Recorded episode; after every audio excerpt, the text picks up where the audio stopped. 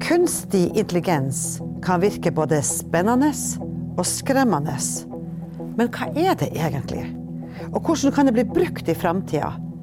Asbjørn Danielsen er en av dem som forsker på kunstig intelligens, og han er gjest i ukas episode av Observatoriet.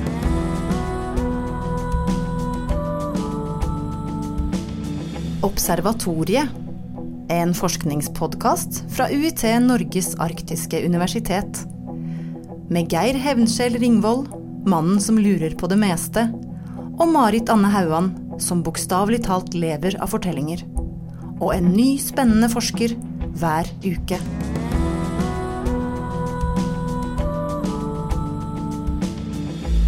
Kunstig intelligens, Marit. Er du redd? Ja, I alle fall så vil jeg gjerne finne ut mer. Jeg vil vite mer om det.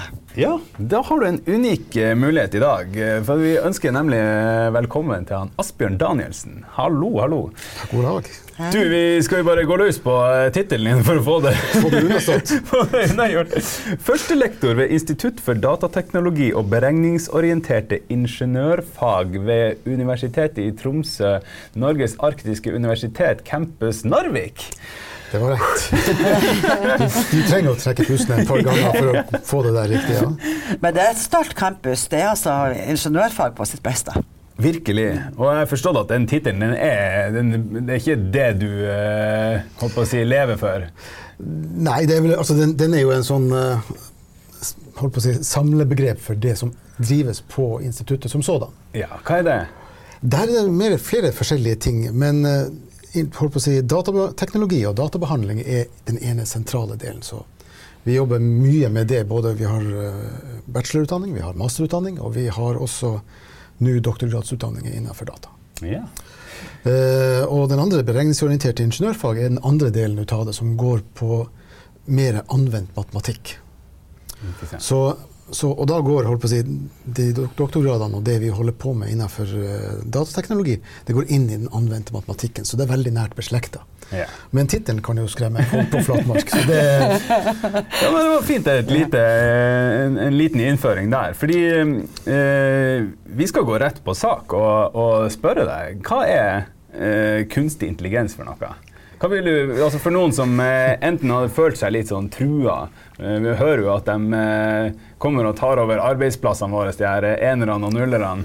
Og så er du kanskje interessert i å være litt Spre litt info rundt de positive fordelene. ja, vi, kan, vi kan først ta holdt på å si, kunstig intelligens som tema. Ja. Fordi at kunstig intelligens, da tenker folk gjerne det at ok, nå kommer robotene og tar oss. Mm. Men det er ikke det som er kunstig intelligens. Kunstig intelligens det betyr at vi har datamaskiner eller programmer eller et eller annet som har en eller annen form for intelligensrespons på det vi gjør. Så ikke sant, Man kan faktisk hevde at ei dør som åpner seg når det kommer folk til den, er en anvendt kunstig intelligens. Så, Ja. Så så, så, kjøpesenter. Så, så, så det er kunstig intelligens. Eh, men den største delen av kunstig intelligensen den er vel i dag innenfor det vi kaller for maskinlæring. Og maskinlæring det går ut på at eh, datamaskiner og dataprogrammer lærer holdt på å, si, å gjenkjenne mønster i en eller annen form. Så det kan være at man gjenkjenner bevegelser, det kan være at man gjenkjenner at folk går, at folk uh, gjør et eller annet. Det er ikke det at maskinene kommer til å ta over verden. fordi at de har, selv om de har en intelligens og gjør en intelligensrespons, så betyr ikke det at de konkurrerer med oss. De utfyller oss. Men du sier at de kan gjenkjenne, altså gjenkjenne bevegelse. Så, så vi kan, eh, vi kan eh, instruere eller sette ei dør i stand til å åpne seg bare når man løfter handa, og ikke når man kommer til. Er det sånn man kan gjøre? For, for eksempel. Altså hvis du har den, den riktige typen sensorikk, Ja. så vil du kunne gjøre den typen ting. Mens ei, dør sånn som i, i dag, den, den bruker en type teknologi som vi kaller for passive infrarøde sensorer. Og de registrerer at det kommer en bevegelse. Og da er det bevegelsen i seg sjøl som gjør at døra åpner seg. Og der er ikke Du kan hevde at det er en kunstig intelligens, men det er ikke mye intelligens som ligger altså, i ei dør som åpner seg. Det er veldig lite. Men hvis du begynner å ta det videre og så se på datamaskiner og dataprogrammer som gjenkjenner bilder, eller ansiktsgjenkjenning eller den type ting, så begynner det plutselig å bli ganske mer avansert. Og der er det jo skjedd mye. Vi, Google for eksempel, i dag de bruker jo eh, sånne programmer til å tagge hvert enkelt bilde. Mm. Så det sitter ikke folk og, og forteller hva som er på bildet. Det er datamaskiner som sitter og gjør det. Så når de vet hva et frakteskip er, så har de kanskje 1000 bilder av frakteskip, så da gjenkjenner de hva et frakteskip er. Mm. Da, da, er det kanskje til sånn, sånn Google uh, Earth eller Google Street View som mange kjenner til. Så det er ikke noen som sitter og sledder hvert enkelt ansikt der. Det er kanskje Nei. noen algoritmer som uh, Der er det programmer. Det er kunstig ja. intelligens som går og gjenkjenner. Der har vi et menneske, der sledder vi det. Der har vi et bilskilt, der sledder vi det, osv. Så, videre. mm. så det er datamaskiner som sitter og gjør den typen ting. Og det er anvendt kunstig intelligens. Det er maskinlæring som ligger bak det.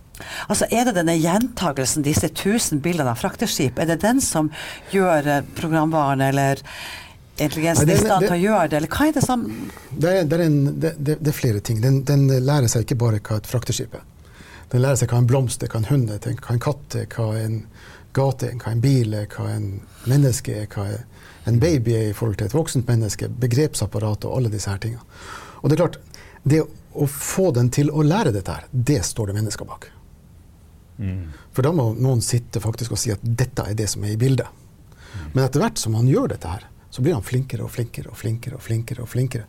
Og til slutt så er det jo sånn at en, en datamaskin eh, som analyserer et bilde, han kan gjøre det mye raskere enn det vi kan gjøre.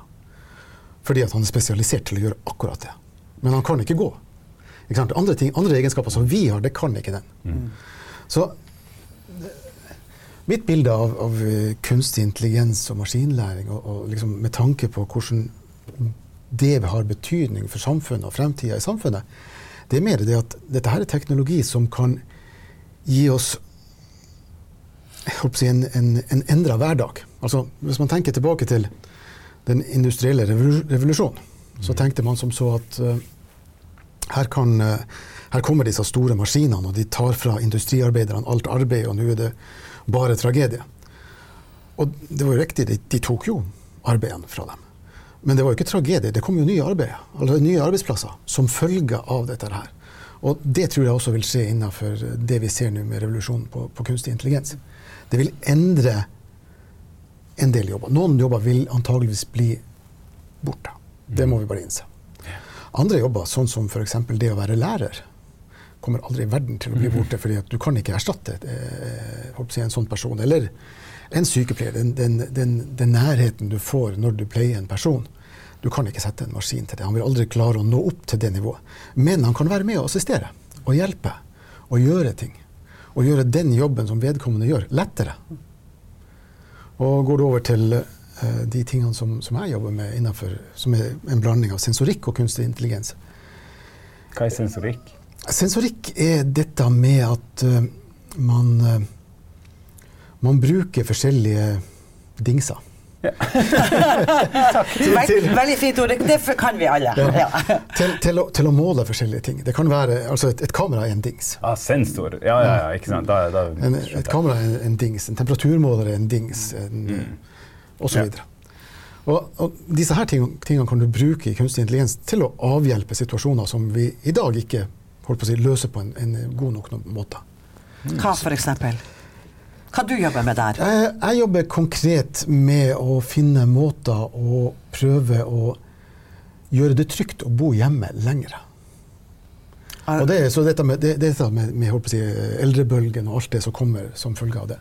Så jeg jobber rent konkret med å se på hvordan kan vi bruke sensorikk og kunstig intelligens til å lage en tryggere hjemmemiljø for eldre. Sånn at i tilfelle man er uheldig, man bor typisk alene, eller kanskje alene, og man er uheldig og detter på badet f.eks. Og, og slår seg, så har man kanskje ikke muligheten til å trykke på den, den, knappen man har på armen, eller gi beskjed på en eller annen slags måte. Men da kan faktisk sensorikken finne ut at nå har han hun gamlemor eller han gamlefar falt på badet. Dette er alvorlig, de klarer ikke å komme seg opp, og gi beskjed videre. Og da har du plutselig øka terskelen for, for, hvor trygt det er å bo hjemme. Men altså, skal, skal hjemmet bli overvåka da, er det det du tenker på? Det blir ikke overvåka. Sånn som jeg forestiller meg bruken av kunstig intelligens i dette her, så er det ikke et kamera som står og, og overvåker personer som står og ser inn i rommet og ser hva hver enkelt gjør. Det er mer på nivået at man registrerer holdt på å si, mønster. Man registrerer hvor ofte går du på eh, toalettet. Når går du på toalettet? Eh, og de her informasjonen den har egentlig ikke noe utenfor hjemmet å gjøre. Fordi det, det, det, det vil være Hver enkelt individ har sitt mønster. Ja. Noen liker å stå opp klokka fire på natta og være oppe i to timer, og så gå og legge seg igjen. Andre de sover natta igjennom. Noen går på do fem ganger, noen går på, på do én gang. Det, det er ikke et klassisk ett eneste svar på dette. her. Her er det noe som må læres. Og i det øyeblikket det begynner å skje avvik fra dette her, at folk begynner å endre oppførsel, ja, da bør man kanskje heve liksom, nivået med tanke på er det noe som er i ferd med å skje her. Og det som jeg jobber rent konkret med nå, det er fall og eldre. Og spesifikt knytta til de to plassene i hjemmet hvor flest alvorlige fall skjer. Og det er på soverom, og det er på bad. Deretter kommer kjøkkenet. Det vet vi altså. Det er statistikken. statistikk. det, det, det, det, du har det, det- hvis, du, hvis du ser på fall i, holdt på å si, i målestokken Norge, så koster fall blant eldre, altså de over 65 år, ca. 6 milliarder kroner for det norske samfunnet i året. I Wow. utrykning, eller bare I kostnad, helsekostnader. Økte helsekostnader. Yes.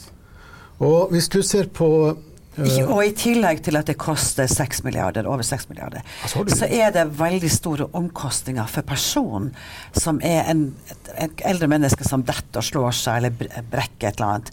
Så har det veldig store konsekvenser for helbredende og, Mm. Ja, ja. og helsefornemmelsen av å være velvære. Ja, ja. Altså Lidelsene knytta til det er jo, er jo enorme. Og, og det er også det at det er også en sånn ting at har du først falt alvorlig én gang, så øker sjansen for å falle på nytt igjen ganske drastisk. Og det, går ut fra, det ifra det at de begynner å bli redd for dette, så de blir stivere. De begynner å gå på litt andre måter, de begynner å bevege seg på andre måter. Som man har en følelse av er mer stabilt, men som i virkeligheten er mer ustabilt. Så det øker sjansen for å dette igjen. Så så det er disse tingene jeg holdt på å si, jobber med, men ut ifra et datateknologi, kunstig intelligens-ståsted. For at jeg, jeg forsto ikke helt nå eh, altså, hva oppfinnelsen her er. Er det liksom at det kommer ei hann og tar imot eh, ut fra veggen? Eller? Da var det som liksom kommet og Det er sånn Donald Duck-aktig. ja, Nei, altså eh, Det som jeg jobber med, er egentlig eh, Målet mitt er egentlig å prøve å stoppe et fall før det skjer. Ok. Ja. Og mm, tanken for å stoppe det, det er å si, gjenkjenne mønster knytta til fall. Og så på et eller annet slags vis signalisere til den eldre at nå er du i ferd med å gjøre noen ting som vil øke sjansen for at du faller. Og det her det kan gjøres på mange forskjellige måter, men f.eks. så vil noen eldre, hvis jeg tenker på min generasjon, når jeg blir så gammel, så holder det kanskje for meg å få en vibrasjon på telefonen, så vet jeg det. Gjør du det i dag til en 80 år gammel eh, eldre, så mister de konsentrasjon med det de holder på med, og så ser de på telefonen, og så detter de.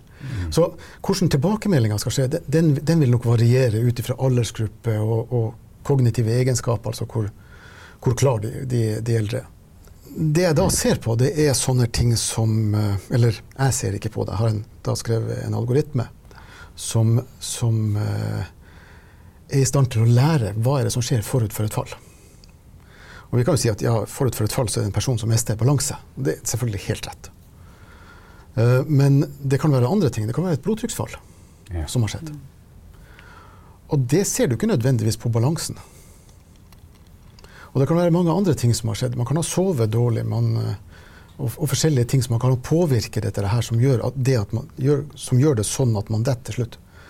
Og det er det denne algoritmen prøver å ta med seg inn, uten å gå inn og være ting som den eldre må si, forholde seg til. Dette her skjer som en naturlig del.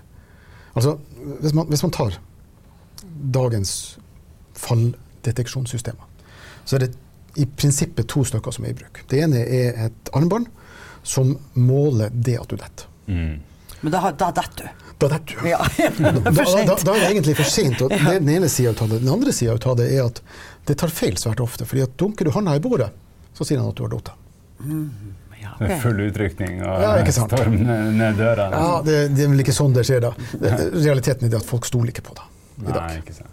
Eh, Den andre delen er at man har på seg noe utstyr bak på ryggen eller rundt midjen eller brøstet eller noe sånt, som har akkurat samme type funksjonalitet. Mye falske alarmer. Mye falske alarmer. De stoler ikke på det. En annen ting er jo det at hvis noen mor skal reise seg opp på natta og gå på toalettet, så tar hun ikke på seg barnet for å gå på toalettet. Da går hun.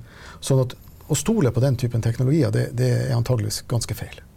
Så tanken min er det at eh, nei, la oss lage noen ting i rommet som kan integreres som en naturlig del av miljøet som der de bor, som de ikke trenger å forholde seg til. En dings.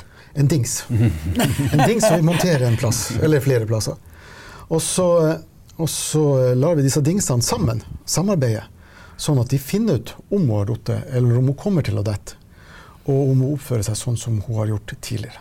Men det høres ut som at du har tenkt å utruste eneste, altså hver eneste eldrebolig med sånn NASA-teknologi. Er, er det komplisert det her å få gjennomført? Er det i det hele tatt realistisk å ha liksom de detektor... Eh, eh, altså duppedittene eh, installert? Vi, vi har jo litt sånne, sånne systemer i dag. Altså, vi har brannvarslere i dag. Ja. Og du kan sette brannvarslere opp i hvert enkelt rom. Og denne typen teknologi er ikke noe mer invaderende enn en brannvarsler. Så, så øh, de tingene jeg holder på med, de er faktisk ikke mer enn sånn, hva skal jeg kalle det, 7 ganger 5 cm stor. Det er små dingser som er satt opp, og de har prosesseringskraft, og de har sensorikk, og de har alle disse tingene som de trenger for å få dette her til å Og det er de små boksene som du kaller for termisk array. Termisk array, ja. Ja. Og de inni der med det sånne sensorer og Inni en termisk array så står det, holdt på å si, en, eh, et, et array er noe som er todimensjonalt. Eh, og det, disse to dimensjonene eh, holdt på å si, kan tenke, tenke det som et regneark, et digert regneark. Og hver enkelt celle i regnearket er en temperaturmåler. Og så spres det utover som et kamera i rommet. Altså, så du ser egentlig rommet, men du ser rommet i form av temperaturmålinger. Du ser det ikke i form av bilder, det vi gjenkjenner. Og Fordelen med det her er det at du kan eh, finne ut om en person har feber eller ikke, uten å være nødt til å å si, ta en temperaturmåling. Du kan måle overflatetemperaturen på vedkommende. Du kan uh, avlese sånne ting som puls, uten å ha en pulsleser på. Du kan uh, i teorien uh, registrere et blodtrykksfall. blodtrykksfall.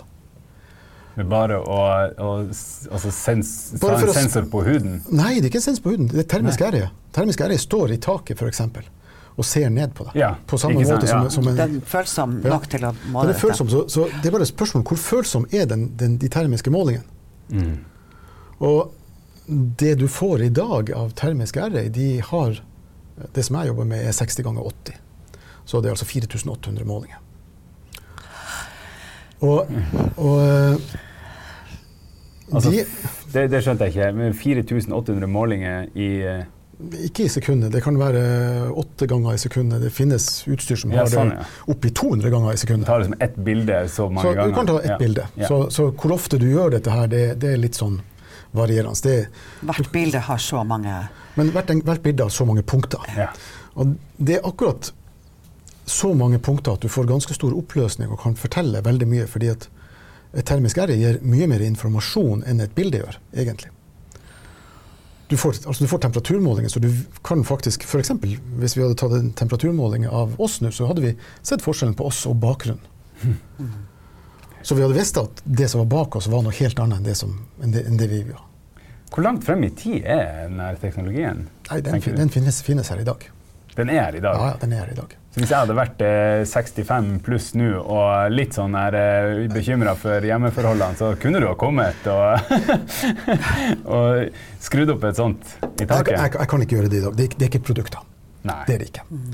Eh, men eh, vi eh, er i ferd med å få til et prosjekt, og jobbe, vi jobber med å få til et prosjekt hvor vi skal kjøre dette her ut i en mye større eh, holdt på å si, eh, skala enn det vi har gjort tidligere. Men altså, jeg må spørre om noe. Du er altså eh, førstelektor i datateknologi og beregningsorientert ingeniørfag, og så holder du på med, med helsa Altså det er jo helsetilstanden til eldre. Det, altså her må du jo, Har ingeniører i dag så stor kompetanse på livet som sådan at de også kan gå inn og gjøre sånn beregning, eller hvordan andre fag er involvert? Uh, nei, altså det her er selvfølgelig Vi må ha helse inn, inn som en del av det. Og, og eh, som jeg sier, mitt ståsted og min vinkling på dette her er teknologien.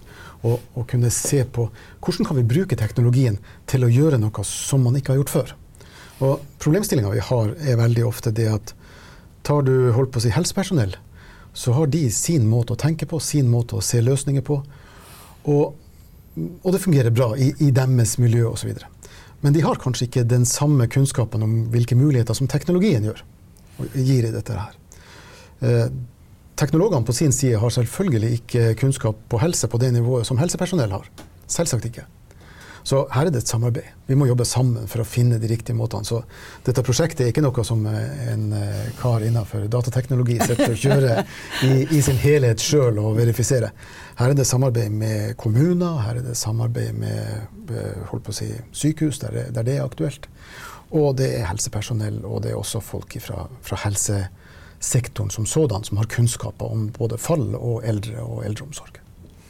Asbjørn, eh, for å ha blitt såpass interessert i eh, teknologi og, og dingser og duppeditter som det du er, eh, det må ha kommet fra en plass.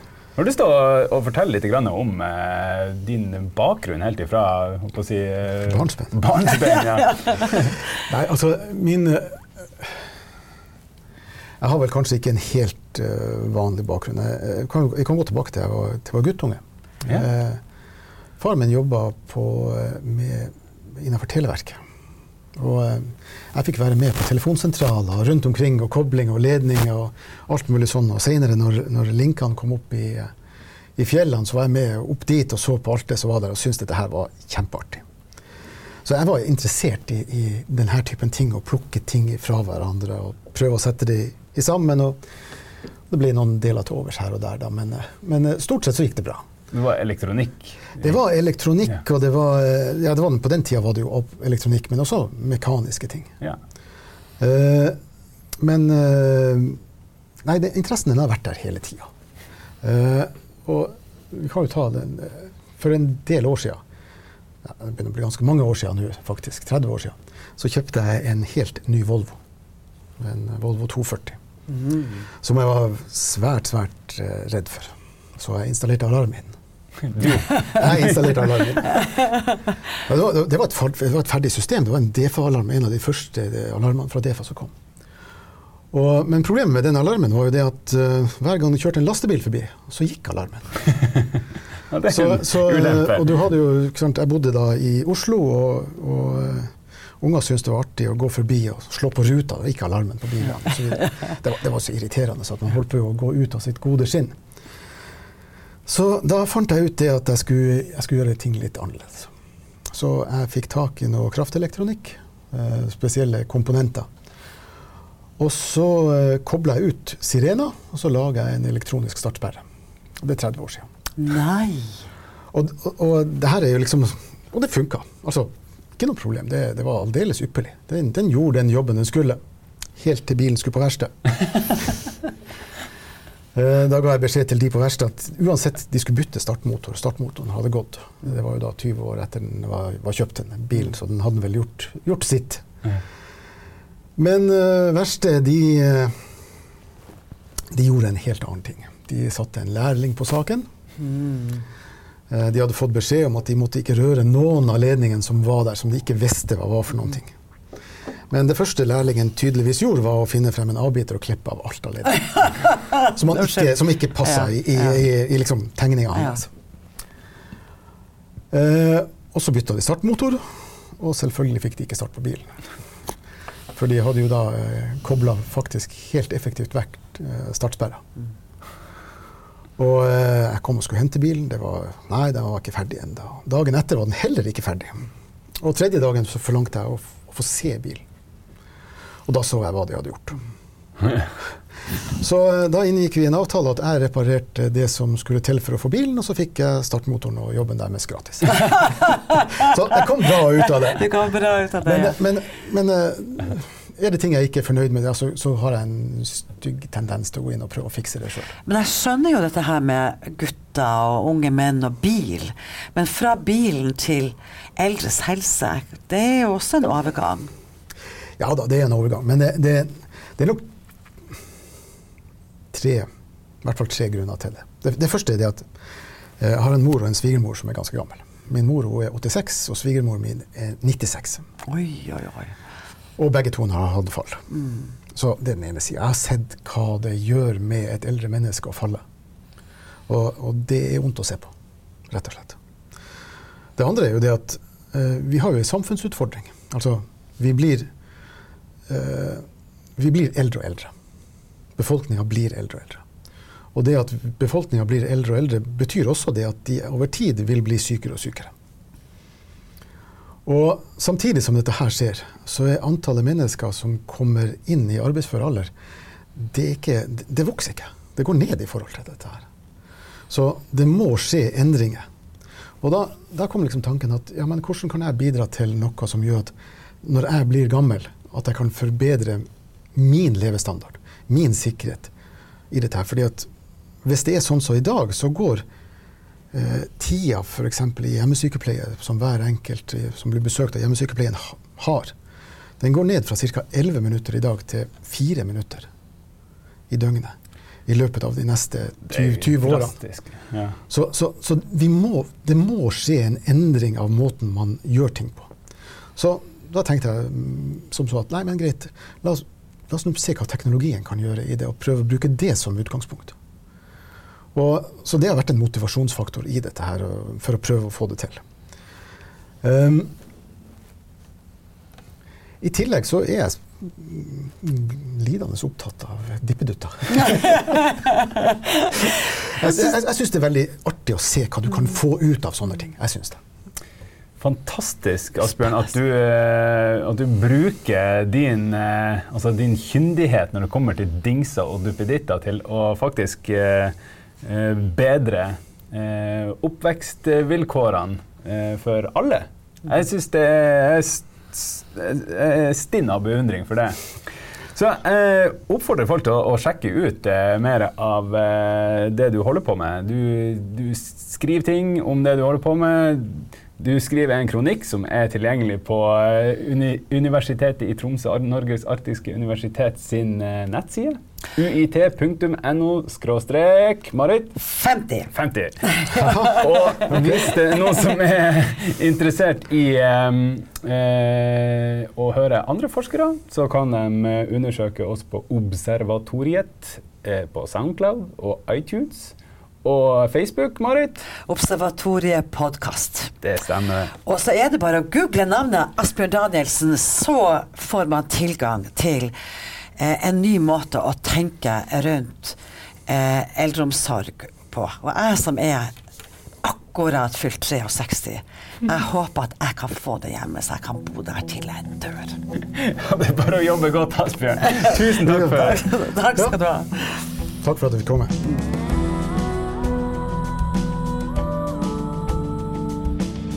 Takk for at du hørte på oss i dag. Vil du lese mer om forskninga til Asbjørn, kan du gå inn på nettsiden uit.no 50 eller Facebook-sida Observatoriet podkast. Du kan også abonnere på podkasten via Soundcloud, iTunes eller andre podkastapper. Vi høres i neste sending.